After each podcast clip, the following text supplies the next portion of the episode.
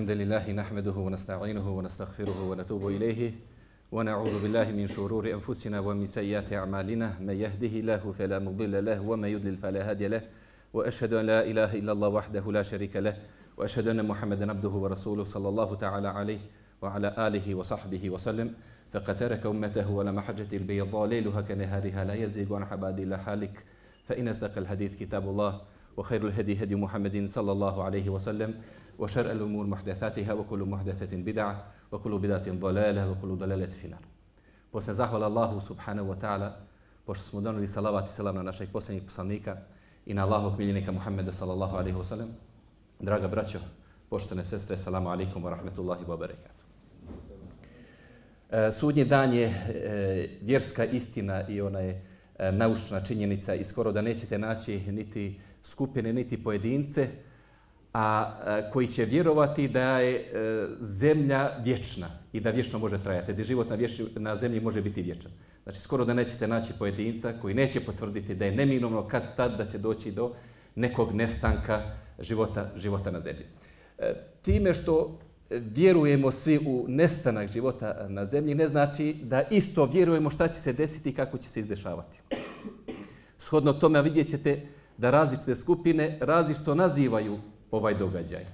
Pa će neko reći da je to sudnji dan, neko će reći da je to apokalipsa, neko će nazvati neki drugim imenom. Pored toga vidjet ćete da ipak muslimani e, vjeruju e, vezano za sudnji dan drugačije nego bilo ko drugi. Za nas sudnji dan ne predstavlja samo nestanak života na zemlji, načina života kojeg mi danas poznajemo.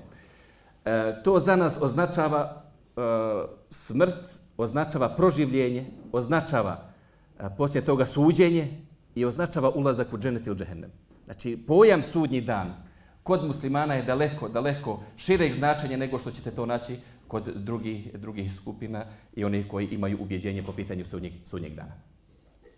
E, samim tim, volio bi na samom početku da skrenem pažnju na jednu, na jednu stvar. Tema sudnjeg dana e, često i najčešće je glavna, glavna tema i glavno učenje mnogih kultova i mnogih sekti. I naći ćemo kroz historiju čovječanstva da su nastali mnoge sekte, mnoge, mnogi kultovi upravo pozivajući se i plašeći ljude sudnjim danom i plašeći ljude nestankom, nestankom života na zemlji. Pa sam ja ovdje odabrao neke primjere toga, samo da vidite koliko tema sudnjeg dana u osnovi može biti opasna.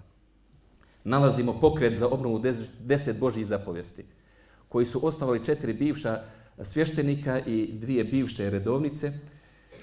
I oni su smatrali da je 31. decembar 1999. dan kada će nastupiti sudnji dan.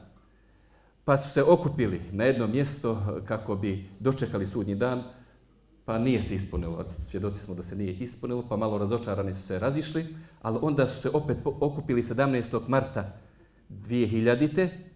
gdje su očekivali sila za Gjevice Marije. Kada se ni to nije desilo, eh, izvršili su, u početku se mislilo da su izvršili samoubistvo. Na kraju se ispostavilo da su ubijeni. Na kraju se ispostavilo da su, da su ubijeni. Također nalazimo red sunčeva hrama koji su nastali u Ženevi 84. godine. U Ženevi 84. godine nastao je red. Eh, osnivač je smatrao da je njegova šćerka u stvari izlaz za čovječanstvo na zemlji i da ona treba da je odvede e, do jedne planete koje se okreće oko Siriusa. Pa su deset godina po osnivanju ovog e, pokreta, znači 84. osnovana, 94. ubijedili su se da dolazi sudnji dan, pa je 53 e, člana ovog kulta izvršilo samoubistvo. Izvršilo masovno ubistvo, jer ta samoubistvo u stvari trebalo da bude nešto, no, nije mogla tjelesno da je odvede valjda, nego samo duševno, pa su morali da se oslobode svojih tijela kako bi ih duševno odvela kod, kod Siriusa. Vidite, Meki Turabi sad i nije toliko strašan kad, kad čujemo ovakve, ovakve primjere. Jedna od kulteva također koje je postao jeste vrata raja 70. godina su osnovani i u osnovi eh, pozivali su svoje sljedbenike po Kaliforniji. Po Kaliforniji a, pošto su se ubijedili da apokalipsa dolazi, i to konkretno 97. kada se približavao kometa, e, tada se približavala, realno, stvarno se kometa približavala zemlji, pa su oni mislili da je to kraj i njih 39 je počinilo samoubistvo. Svi članovi, znači svi članovi su, i sa osnivačima, nije, nije ih prevario, stvarno i on je Ubio i sebe, odnosno bio iskren u tom segmentu, pa je barem i sebe ubio. Najekstremniji primjer ovakvih e, stvari jeste ono što je nastalo u, u kultu e, hram ljudi. Hram ljudi. Oni su bili ateisti, nisu, nisu vjerovali u Boga. E, bili su, interesantno, ali bili su e, socijalistički pokret. Socijalistički pokret su bili. I vjerovali su u tu pravdu, socijalnu pravdu na zemlji. E, Jim Jones je e, bio predvodnik. E, zagovarajući tu socijalnu pravdu okupio oko sebe veliki broj nepismenih ljudi, siromašnih ljudi. E, na osnovu donacije koje su uspjeli da, da sakupio, napravio je čak e, grad svoj koji su nazvali po, po, njegovom, po njegovom imenu. Desili su se problemi, desili su se određene e, nesporazumi, vlada nije stala, čak se vlada suprostavila, pogotovo što se sve veći, veći broj članova javljao da bi htjeli da izađu iz tog kulta, ali da ih drži tu protiv njihove, njihove volje. Na kraju, izgubivši više nadu u mogućnosti življenja na zemlji, e, ubijedio je svoje članove da trebaju svi zajedno da izvrše samoubistvo, iako je tokom tog dana bile su velike rasprave među njima samima da li trebaju biti ubijena i djeca ili ne. Na kraju je odlučeno da svi trebaju biti ubijeni. I te prilike ubijeno 913 ljudi. 913 ljudi je izvršilo masovno samoubistvo zato što su očekivali sudnji dan. Zato što su očekivali sudnji dan. Među njima je bilo 276 djece. 276 četvrt, čak malo jače od toga su bila maloljetna djeca koja nisu imali mogućnosti ništa da se pitaju po, po pitanju toga. Svi ste bili svjesni, a možda i nije svi.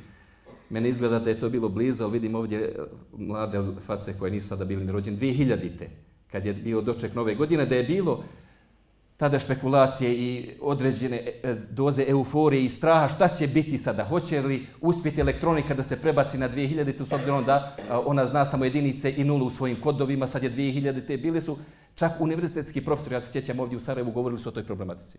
I to profesori sa elektrotehnike, profesori sa elektrotehnike, to im je struka, da će tehnologija da stane zato što ulazimo u 2000-tu, tehnologija nastavila da, da radi uopšte ne znajući da je nova godina. E, pogledajte zatim, proračun Maja za 2012. Kad, kad je bio. I, iako je njihov proračun bio, recimo, indirektan, oni su pratili nebeska tijela. I otprilike su, vodeći evidenciju, uspjeli su da uprate koliko se često određene nebeska tijela ponavljaju i ulaze u tu zemljinu orbitu kada e, stanovnici zemlje mogu da, da je vide. Kako su zabilježeni ti događaji i kada se to o, o, stvarno obistinilo, onda su ljudi počeli i izgradili su jako veliko povjerenje prema njihovom kalendaru. Zadnje informacije 2012. Poslije 2012. nema više zapisani događaje u kalendaru Maja. I onda su ljudi vjerovali gotovo. Poslije 2012. će se desiti e, smak svijete i sudnji dan. I sjećam se televizijske emisije, sjećam se anketa na ulici, kako se pripremate, šta, šta se pripremate i slično tome. I tada je, hvala Allah, to je bio razlogom da izađe jako kvalitetna knjiga na, na ovu temu od našeg doktora Šefika Kurdića koji je napisao Sudnji dan, evo dolazi provokativni naslov, jako dobra knjiga koja govori a, na o, ovoj temi, ovoj temi. Čak i danas, ako pogledamo, ovo je bliska historija, to mi imamo od 70. i 80. to je u blizini, neki od nas su bili živi kada se sve to dešavalo. Danas, ko, ko prati, ko gleda, glavna ideologija i sila počiva na ispunjenju preduslovana za nastanak sudnjeg dana. I u velikoj mjeri njihova propaganda se bazira na tome kako se stvari ispunjavaju zato što dolazi sudnji dan i na taj način preko tih predaja oni uspjevaju da okupe E, svoje pristalice. To je samo jedan, jedan od metoda, a e, druge metode su još više, još više rasprostranjene. Na osnovu e, ovoga rečenog htio sam samo da upozorim koliko je u osnovi opasna tema sudnjeg dana i koliko je kroz historiju čovječanstva i u modernoj historiji bila često zloupotrebljena. Bila često zloupotrebljena. Mi, muslimani, alhamdulillah, imamo jasnu sliku i jasno vjerovanje po pitanju sudnjeg dana. O tome nam govori Kur'an, gdje gospodar svjetova kaže jes elune kani sa'a ejane mursaha fima ente mi zikraha ila rabbike muntehaha. Pitaju te o smaku svijeta kada će se dogoditi. Ti ne znaš pa kako da o njemu zboriš, a o njemu gospodar jedini zna. I to je pravilo u islamskom učenju. Nastanak sudnjeg dana, kada će nastupiti sudnjeg dana, zna samo gospodar svjetova i niko, niko od stvorenja. Pored toga, nalazimo da je gospodar svjetova objavio veličanstven, veličanstven ajet u suri Luhman u kojem kaže samo Allah zna kada će smak svijeta nastupiti, samo On spušta kišu, samo On zna šta je u matericama i čovjek ne zna šta će sutra zaraditi i čovjek ne zna u kojoj zemlji će umrijeti. I ovih pet stvari koji su nabrojani u ovom ajetu sure Lukman eh, prozvani su mefatihul gajb, ključevi tajni. Ovo je od stvari koje samo gospodar svjetova zna i niko i niko više. Samo Allah zna kada će smak svijeta nastupiti. U Koranu nalazimo da gospodar svjetova sudnji dan naziva Es-Sa'a. A Sa'a je u stvari jedan sahat, sahat vremena. Kada bi se bukvalno prevelo, moglo bi se reći da je to sahat vremena. I kaže se da je ovaj naziv Esa'a u Kur'anu upotrebljen na 40 mjesta. Na 40 mjesta. E, Mufesiri kažu da je sudnji dan prozvan sahatom iz razloga što će se sve jako brzo dogoditi. Kad nastupi sudnji dan, jako će se brzo stvari dogoditi, tako da će se steći utisak da je to, da je to sahat. Pored toga, pored izraza Esa'a, nalazimo da je gospodar svjetova sudnji dan u Kur'anu nazvao El Qiyama. El Qiyama. I ovaj izraz je upotrebio u 70 različitih mjesta. Pogledajte, prvo spominjemo sa 40, zatim imamo izraz koji spominje 70.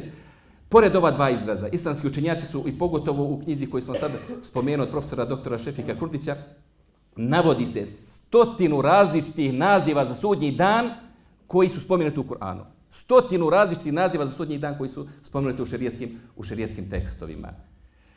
A po jedan naziv nalazimo 40 ili 70 puta. Na osnovu ovoga možemo reći da je tema sudnjeg dana tema jako prisutna u Allahovoj knjizi. Mnogo zastupljena u, u Allahovoj knjizi. Ono što znamo po pitanju sudnjeg dana jeste da priznajemo da će sudnji dan doći i potvrđujemo neminovnost nastupanja. Mi kao muslimani priznajemo da će doći i vjerujemo da je neminovnost da će nastupiti i to zbog mnogobrojnih dokaza koji su objavljeni što u Koranu, što hadisom našeg poslanika Muhameda sallallahu alaihi wasallam, a neke smo već spomenuli. Zatim, ono što mi vjerujemo po pitanju sudnjeg dana, jeste da je sudnji dan blizu. Da je sudnji dan blizu, kao što je gospodar svjetov u suri Šura objavio, u prijevodu značenja, a šta ti znaš, možda je smak svijeta blizu. Naš poslanik, sallallahu alaihi wasallam, kaže, poslat sam i sudnji dan ovako. I pokazuje između dva prsta koliko je, kolika je blizina između njegovog dolaska i njegovog poslanstva i e, nastupanja sudnjeg dana. Zatim potvrđujemo da će sudnji dan nastupiti iznenada da će sudnji dan nastupiti iznenada kao što je to e, gospodar svjetov objavio u suri Jusuf u 107. ajetu e, upravo u izrazu bagteten, znači iznenadit će vas, iznenadit će vas, nećete biti za njega, za njega e, spremni. Zatim, stajalište vjernika i nevjernika po pitanju sudnjega dana jeste e, da je naše vjerovanje ipak preciznije i e, malo proširenije, za njih sudnji dan označava umiranje, proživljenje, suđenje i, e, i na posljedku ulazak u dženet ili džehennem, dok za nevjernike najčešće to označava nestanak e, života na zemlji. Pa ćete vidjeti mnoge, mnoge naučne fantastike koje govore upravo o tome da će život da se prenese na nekoj drugoj planeti ili, ili slično tome, vjerujući da će uspjeti da se određen broj ljudi sačuva od e, eventualnih katastrofa. E, pored ovoga, e, samo Allah i niko drugi e, ne zna, znači samo Allah ima znanje kada će nastupiti sudnji dan. Niko mimo Allaha ne zna kada će nastupiti e, sudnji dan. E, mnogobrojni su dokazi kuranski. Na posljedku najvažniji hadis u islamu koji je, to je Džibrilov hadis u kojem je došao Džibril a.s. da poduči umet određenim propisima i kada je upitao našeg poslanika Muhammeda sallallahu alaihi wasallam da mu kaže kada će sudnji dan, on mu je odgovorio ma mes'ul anha bi'ale mine sa'il. Kaže, upitan i ne zna ništa više od onoga koji pita. Pita Džibrila, a.s. najbliži melek gospodaru svjetova. A upitan je poslanik Muhammed sallallahu alejhi ve sellem najbolji čovjek i najučeniji čovjek u čovječanstvu. U čovječanstvu. Pa kaže, upitan i ne zna ništa više od onoga koji pita. Negira znanje o nastupanju sudnjih dana i kod sebe, ali negira to znanje i kod Džibrila alaihi salam. Pored ovih jasnih i mnogobrojnih dokaza da znanje o sudnjem danu ne zna i ne posjeduje niko osim gospodara svjetova, ipak nalazimo na osnovu određenih dokaza da su određeni islamski autoriteti tretirali pitanje kada će nastupiti sudnji dan. I ovdje je interesantno možda samo da spomenem te neke predaje i te neke tumačenja. Said, odnosno Sa'd ibn Beqas, radijallahu anhu, prenosi da je poslanik sallallahu alaihi wasallam rekao, ja se doista nadam da moj umet neće ostarati. Znači da to neće biti previše ako Allah produži život za još pola dana. Za još pola dana. Pa vi znate odnos ahiretskih dana u odnosu na, na dunjalučke. E, jedan ahiretski dan je hiljadu godina naših. Pa kažu umetu mu fesiru, ti koji su se bavili, ovaj hadis kod Ebu Davuda, ti koji su se bavili proračunima, kažu umetu je bilo dato hiljadu godina. Pa zbog dove poslanika mu je dato još pola dana, a tih pola dana je 500 godina. Pa s obzirom da je sada 1438, ostalo nam još 62 godine do sudnjeg dana. Ako od početka računanja vremena, a ako od početka objave, onda nam je ostalo još 50 godina. Još 50 godina. Spremajte šta nemate, blizu je. Bilježi Buharija da je poslanik sallallahu alejhi ve sellem rekao vaš ostanak, vaše trajanje u odnosu na ranije narode jeste koliko ima od Ikindije do zalaska sunca. Od Ikindije do zalaska sunca. Ako pogledamo kompletno čovječanstvo, naš boravak u tom čovječanstvu je koliko od Ikindije do, do, do, do zalaska sunca. Također, Renes ibn Malik radi Allahom, prenosi da je poslanik sallallahu alejhi ve sellem objasnio da je život, i vijek poput e, cijelog čovječanstva poput sedam dana ahiretski. Pa su tada upitali e, neke od, od ashaba, a koliko je staro čovječanstvo, pa, je, pa su odgovorili 5600 godina. 5600. Tako da je u odnosu na naš 7, 7000 godina, još 1400, 1400 godina. E, pored ovih predaja, postoji predaje koje se govori da je naš poslanik, sallallahu alaihi wasallam, e, ja i sudnji dan smo poslati ovako. Pa su neki pokušali da to izračunaju šta to znači vremenski, pa jedna polovina puta jedna sedmina. E, stvarno ova jednačina postoji, ne znam na osnovu čega su došli do nje, uglavnom po tim proračunima moguće da smo već mrtvi, ali nismo toga svjesni. Sve u svemu, sve u svemu. Ovo su nagađanja, ovo su nagađanja. Kao prvo, ako govorimo o, o tome da je 7000 godina život čovječanstva, kad je počelo čovječanstvo? Kad je sišao Adem Alisalam? To su stvari oko koje mi nemamo dokaza. Možemo samo da nagađamo. Možemo da nagađamo. 5400 godina, da je sada već 7000 godina, daj mi dokaz.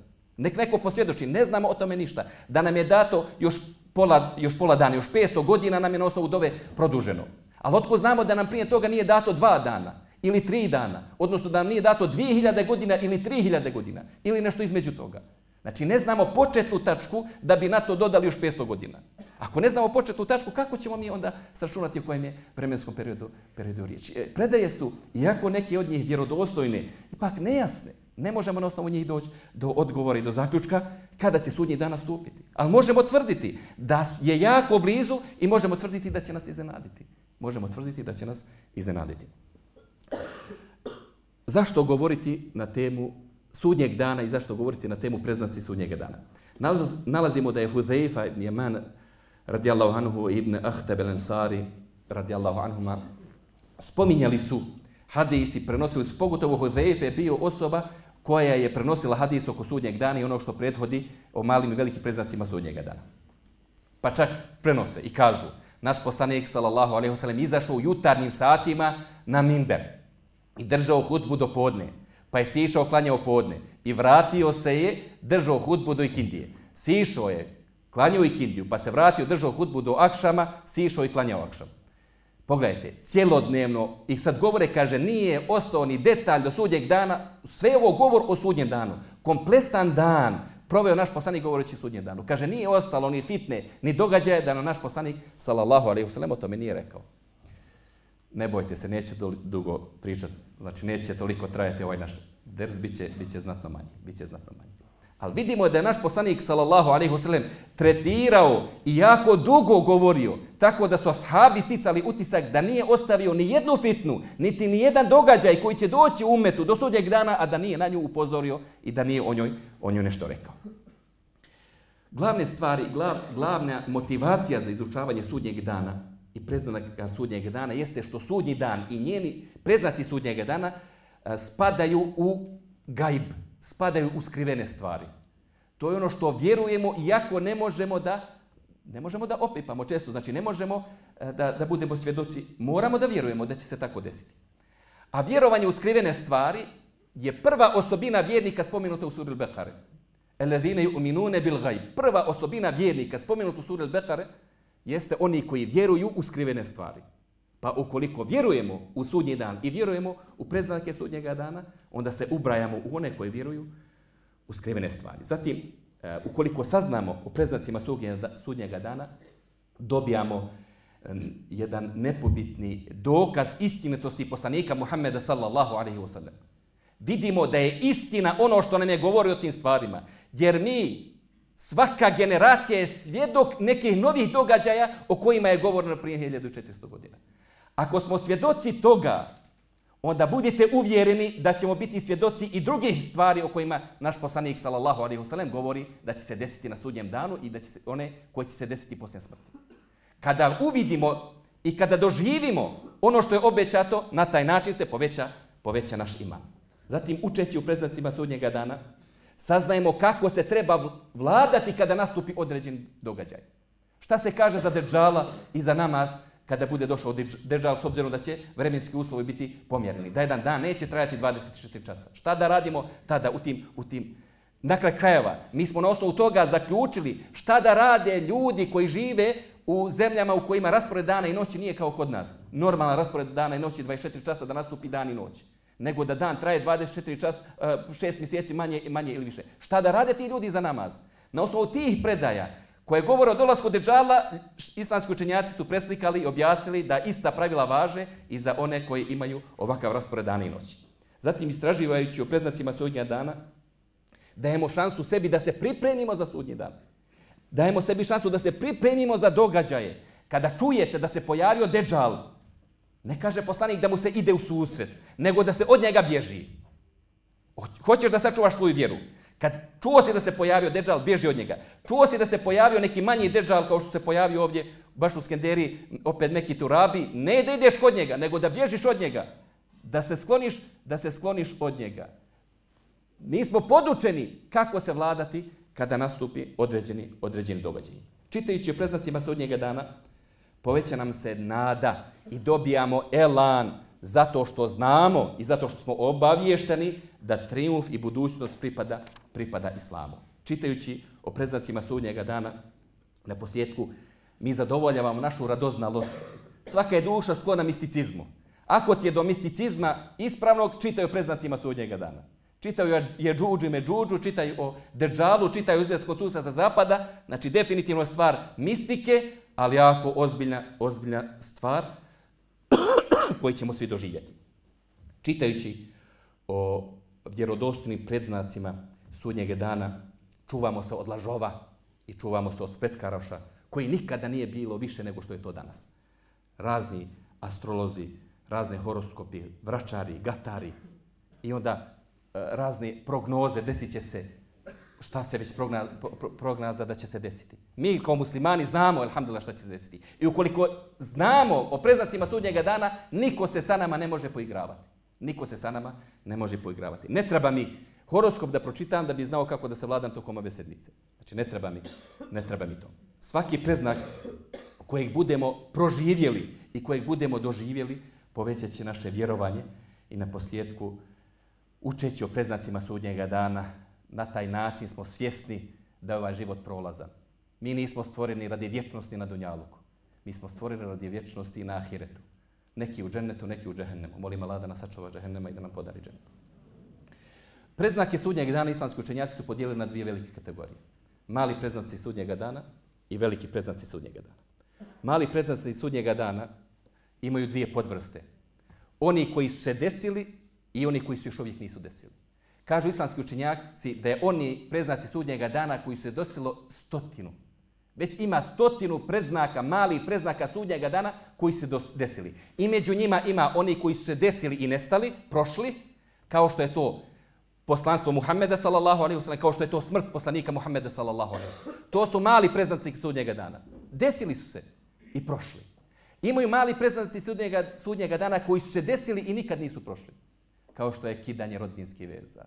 To je jako rano počelo u čovječanstvu i konstantno je do dana današnjeg. I tako će biti do sudnjeg, sudnjeg dana. Kidanje, kidanje rodbinskih veza. Počelo davno, još uvijek nije nestalo. Imamo male preznake, preznake sudnjega dana koji se još uvijek nisu desili, kao što je da zemlja izbaci svoje blago, kao što je pojava Mehdija, kao što je rušenje Kjabe.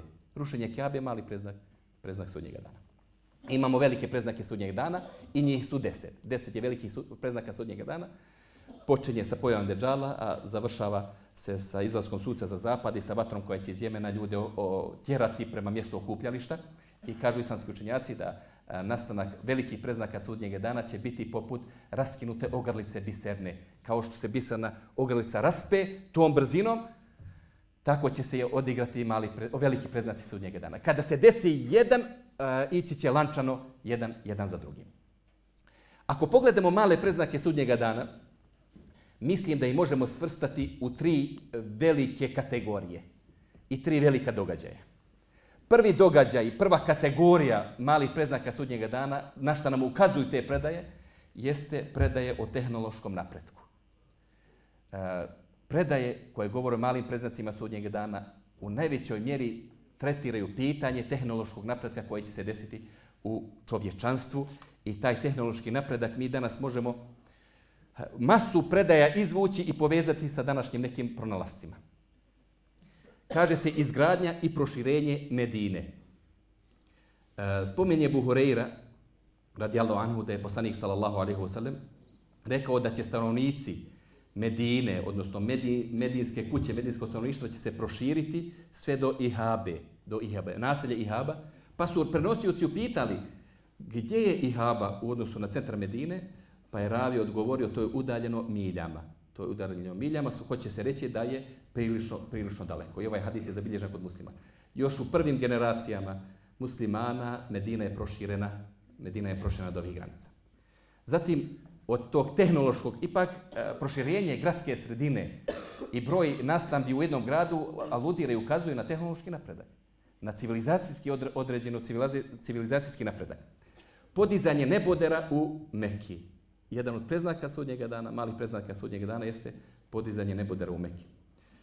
Ibn Šejba bilježi od Jala ibn Ata'a, koji je prenio od svoga oca, da je držao eh, za uzde jahalice Abdullah ibn Amra, radijallahu anhu, pa kaže, Abdullah ibn Amr mu je tada govorio, kakvi ćete vi biti kada porušite Kaabu, ne ostavljajući ni kamen na kamen. Pa je Ata'ov otac upitao, ja, ja ibn Ata'a, taj upitao, hoćemo li mi tada biti muslimani kad budemo srušili Kjabu? Pa je Abdullah ibn Amar odgovorio, jeste, tada ćete biti muslimani. Pa ćete je izgraditi na novo ljepša nego što je bila. I to se desilo u prvoj generaciji. Hadžar ibn Jusuf je srušio Kjabu u potpunosti. U potpunosti. Tokom njegovog vremena dva puta je došlo do rušenja, do rušenja Kjabe. Pa zatim kaže Abdullah ibn Amr, pa kada vidite da se u Meki kopaju kanali i vidite građevine koje nadvisuju vrhove planina, znajte da vam se čas sasvim približio. Znajte, sad ne da nadvisuju vrhove planina, nego planine bivaju uklonjene u potpunosti kako bi se na njihovom mjestu napravili, napravili sada hoteli koji nama treba da olakšaju da budemo pored Ćabe tokom dana hađa i tokom dana. Radi naše komoditeta. I ovdje bitno napomenuti, nije svaki preznak sudnjeg dana negativan. Nemojte misliti, čim je preznak sudnjeg dana, to treba da izbjegavamo. Dolazak Mehdija je mali preznak sudnjega dana, Pa jel, zar ne bi voljeli da budete u njegovom vremenu, u njegovoj skupini? Sila za Kisa, alaihissalama. Zar nije preznak sudnjega dana? Pa zar ne biste voljeli da, da budete, ako će se već to desiti, da ti budeš e, tada u tvom, u tvom vremenu da budeš od njegove, od njegove vojske? Kao i mnoge, mnoge druge stvari, kao što islamski učenjaci spominju, naravno uz razilaženje, ukrašavanje stranice mushafa i ukrašavanje kuranskih ajeta i razne boje koje se, koje se stavljaju. Prospomenuto je kao preznak sudnjega dana. Ali veliki broj islamskih učenjaka, čak i određen broj ashaba smatra da nije negativan. Negativan je onog trenutka kad to postane srž i glavna tema Kur'ana. Što ljepši, što ukrašeniji. Nit ga čitaš, nit znaš što znači. Dogod prati jedno drugo, čitaš ga i pratiš značenje, a istovremeno vodiš računa da to bude što ljepše napisano, nema, nema smetnje. Tako da nije svaki preznak sudnjega dana o kojem govorimo negativan, negativan po islami i po muslimani. Mnoštvo pisanja, mnoštvo pisanja. Prenosi Ibn Mas'ud radijallahu anhu da je poslanik sallallahu alaihi wasallam rekao zaista će pred sudnji dan biti, kaže, nazivaće se selam samo poznatima. Nazivaće se selam samo poznatima. U današnje vaka tako pozna, onaj koji poznajete, nazivate selam, to je super, to je odlično. To je, mi, smo, mi smo u plusu, mi ne, ne nazivamo selam ni poznatima, ni ne, nepoznatim. Znači u potpunosti, u potpunosti je selam uh, u velikoj mjeri. Dok sam živio, u zgradama ovdje u, u Sarajevu, stvarno rijetkost je da se pozdraviš sa ljudima u, u liftu. Rijetkost da se poselamiš sa svojim, sa svojim, da se pozdraviš, a ne da se, da se poselamiš. Da se naziva selam samo poznatima i od preznaka sudnjega dana. Da su rasprostranjene trgovine, također od preznaka sudnjeg dana. Da će žene biti partnerke svojim muževima u trgovini, također je preznak sudnjega dana. Da će doći do kidanja rodbinskih veza, zatim će se pojaviti lažno svjedočenje, a istinito svjedočenje se kriti i pojavit će se pero. Pojavit će se mnoštvo, mnoštvo pisanja. Mnoštvo pisanja ukazuje nam također da će se pojaviti mnoštvo štampe, da će se pojaviti mnoštvo distribucije, da će se pojaviti mnoštvo načina da se pisanje ostvari. Danas čovječanstvo više piše nego što priča. Više piše nego što, što, što priča. Tada na osnovu ovih predaja mi nismo mogli protefsiriti i skontati da se odnosi na, na ovo naše vrijeme. Mi danas, ova naša generacija, u potpunosti svata, u potpunosti svata o čemu se radi. Približavanje vremena je jedan također od malih preznaka sudnjega dana koji aludira na tehnološki napredak koji nas očekuje do sudnjega dana. Tako da je Buhoreira radijallahu anhu prenosi da je Allahov vjerovjesnik sallallahu alejhi ve sellem rekao približavati se vrijeme jedan drugom i nestat će nauke i pojavit će smutnje i vladat će e, tvrdičluk i umnožit će se el haređ. El haređ je neosnovano ubijanje. Mnoštvo neosnovanog ubijanja. I u mnogim predajama se govori niti ubica zna zašto je ubio, niti ubijeni zna zašto je ubijen. Znači uopšte ne znaju, ali ubistva se e, de, dešavaju. Ovo je zabilježeno kod imama Buharije i kod imama muslima. Šta to znači približit će se vrijeme? Islamski učenjaci imaju različita stajališta, pa jedni kažu da je to smanjivanje bereketa u vremenu. Vjerujte, ponekad steknem utisak da je svaki dan džuma. Znači, malo, malo džuma treba, treba se e, ići klanjati. Toliko se brzo, brzo sedmica, toliko brzo sedmica prođe. Stvarno, mislim da svi osjećate da nije više bereket u vremenu kao što je, kao što je nekada bilo. Zatim, prebli, e, moguće da se približavanje vremena označava približavanje ljudi jedni i drugih u shodno tehnološkom napretku raznih e, jahalica i ja, raznih prijevoznih sredstava. Šta danas, pogledajte, većina rodbine danas za prosječnu porodicu bošnjačku je da ima po cijeloj Evropi, možda do Australije, možda do... I opet kad je neka velika e, događaj u porodici, svi se okupimo. Znači, uopšte to nije, nije problem. Približavanje vremena, približavanje, bez obzira na udaljenost, ljudi su blizu jer brzo mogu stići jedan, jedan do drugog. Neki smatraju da je to skraćivanje životnog, životne dobi. To je ono čega se bojimo, da je riječ o skraćivanju životne dobi, dok neko smatra da je to stvarna brzila, brzina prolaska vremena. Da će stvarno vrijeme brzo, brzo prolaziti. Međutim, najvjerovatnije da je ovdje se govori o tehnološkom napretku, da će e, vrijeme se približiti, to jeste udaljenost između ljudi neće značiti ništa. Neće značiti ništa, s obzirom da to možemo da postignemo raznim prijevoznim sredstvima. Približavanje prodajnih mjesta također je nešto što se tretira u hadisima, pa Ebu Hurera prenosi da je naš poslanik sallallahu alejhi ve sellem rekao neće nastupiti sudnji dan dok se ne pojave smutnje i dok se ne umnože laži i dok se ne približe prodajna mjesta. Dok se ne približe prodajna mjesta. Šejh Abdulaziz bin Baz smatra da je približavanje prodajnih mjesta u stvari vezano za mogućnost obilazak tih prodajnih mjesta. Danas vidjet ćete velike firme čak i u Bosni i Hercegovini, kada govore o određenim izložbama. Uopšte im ne znači gdje je ta izložba. Ako je to njegov fah, ako je to ono što on proizvodi. Bilo koji dio svijeta, ukoliko on vidi sebi tu mogućnost da zaradi, on će potrpati svoje primjerke, otputovati Amerika, Amerika, Australija, Australija.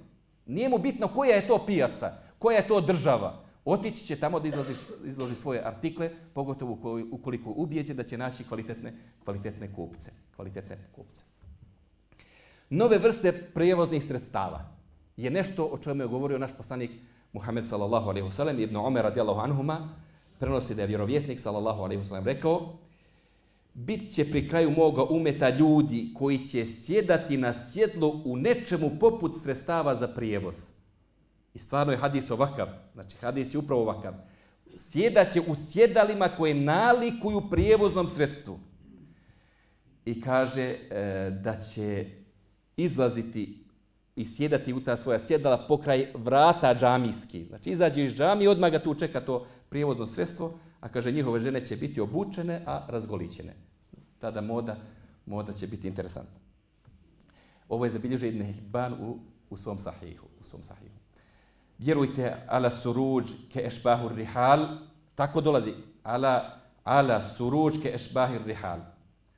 Sjedaće na sjedalo koje treba da predstavlja prijevozno sredstvo. Prijevozno. Tako dolazi u, u, u hadisu. Ne govori se o životinji, nego se govori o udobnim sicevima, udobnim sicevima, sada znamo da je to udobnim sicevima automobila. Prije 1400 godina bilo jako teško doći do ovog saznanja i znati o čemu, u čemu se radi. Mi smo svjedoci toga. Zar ovo ne bi trebalo da nam prije 1400 godina je bila osoba koja nam je u potpunosti opisivala ono čima ćemo mi danas vladati i ono što ćemo mi danas koristiti. Zar ne bi to trebalo da poveća naš, naše vjerovanje i naše povjerenje prema, prema tom čovjeku i naše povjerenje prema tom čovjeku. Pojava tehničkih sredstava. I ovo je možda i među najekstremnijim hadisima u ovom, u ovom pogledu. Tako mi je onog učio je ruci moja duša. Neće nastupiti sudnji dan dok divljač ne bude govorila ljudima. Znači dok divljač, dok životinje ne budu govorile ljudima. Dok s čovjekom ne progovori vršica njegovog bića i kajiš njegovih nanula. I dok mu vlastita butina ne bude govorila šta je učinila njegova porodica protiv njega. Njegova porodica protiv njega zabilježe Tirmidi i ovo je hadis je Hasan. I ovo hadis je Hasan. Naš poslanik, sallallahu alaihi wasallam, ovdje govori o predmetima koji će nas obavještavati šta se dešava u našim kućama. Za naši mobiteli danas najčešće nisu na našim butinama? A zar danas upravo sa naših butina, mi ne možemo gledati šta se radi u našim, u našim porodicama? Preko modernih sredstava komunikacije.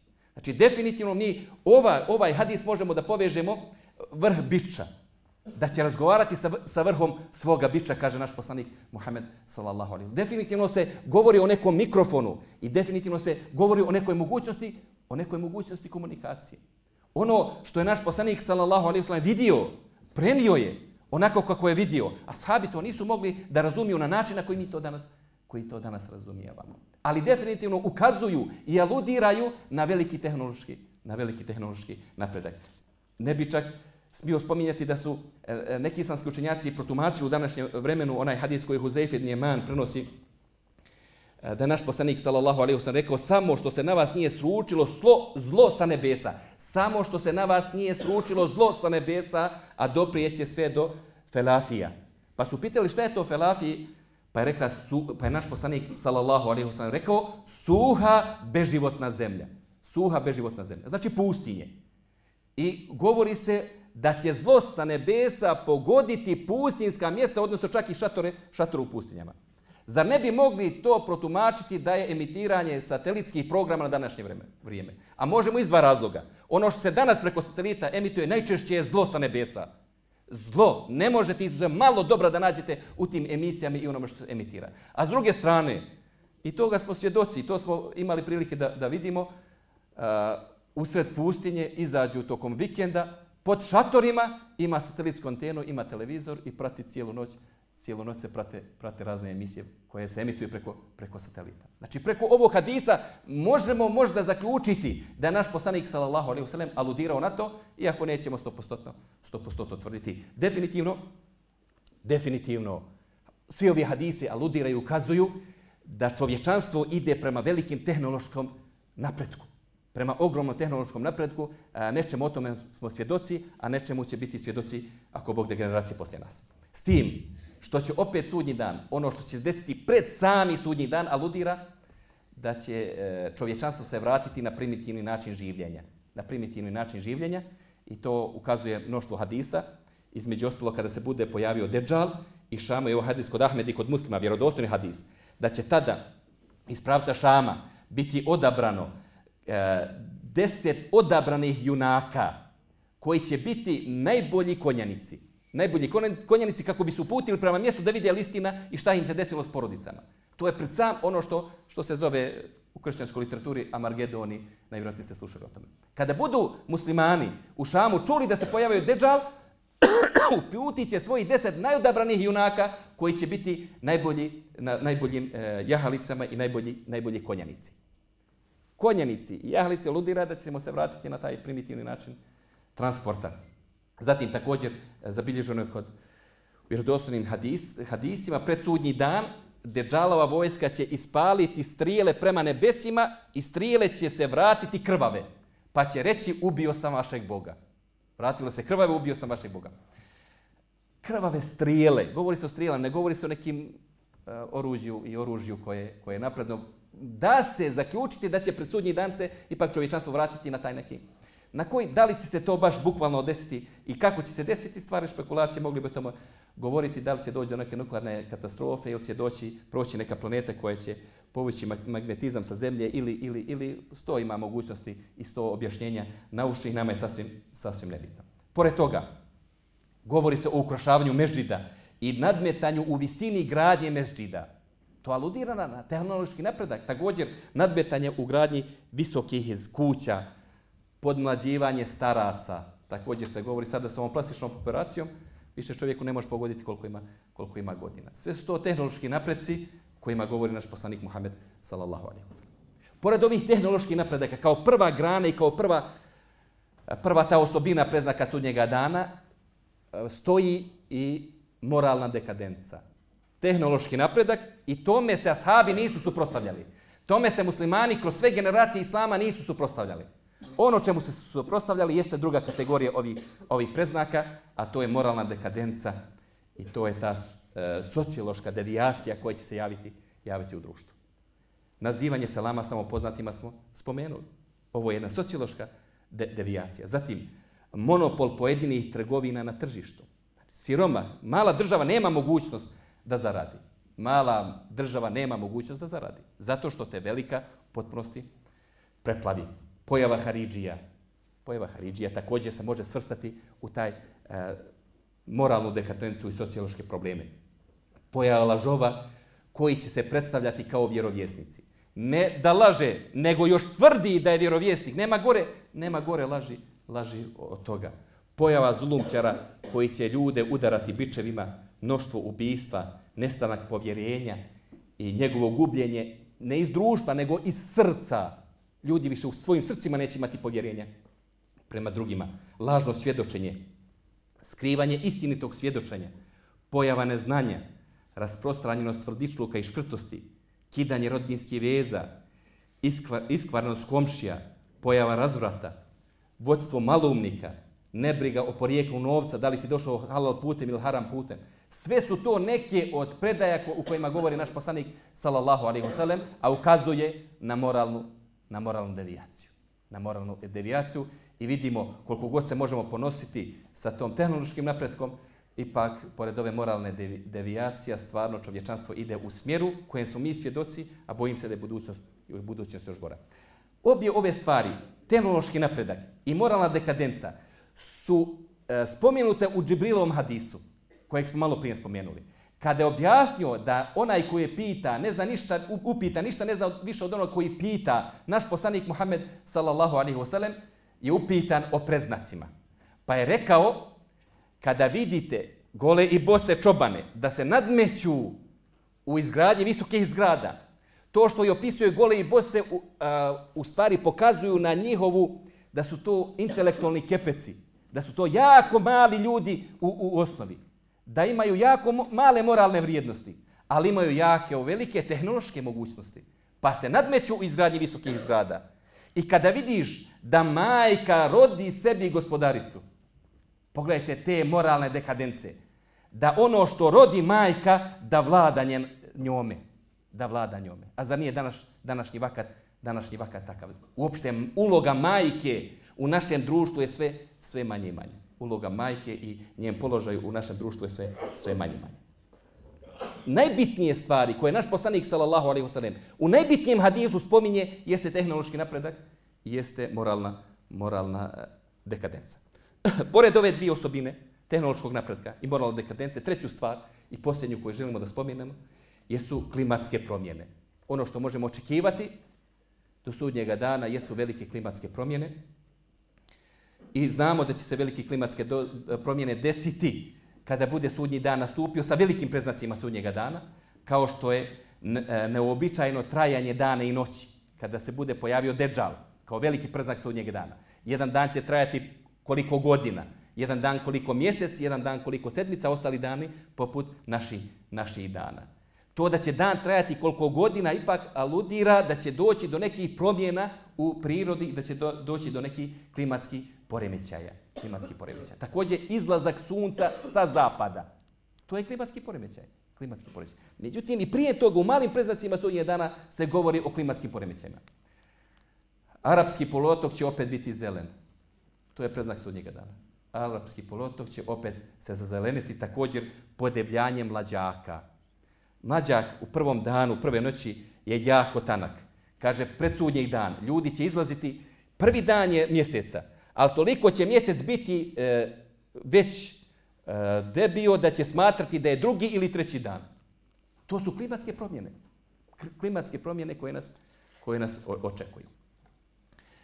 E, kao što smo već spomenuli, tehnološkim napretku niti su se suprostavljali prve generacije, niti generacije kroz istoru čovječanstva i tome ne trebamo ni dan danas da se suprostavljamo, samo trebamo da koristimo na halal način.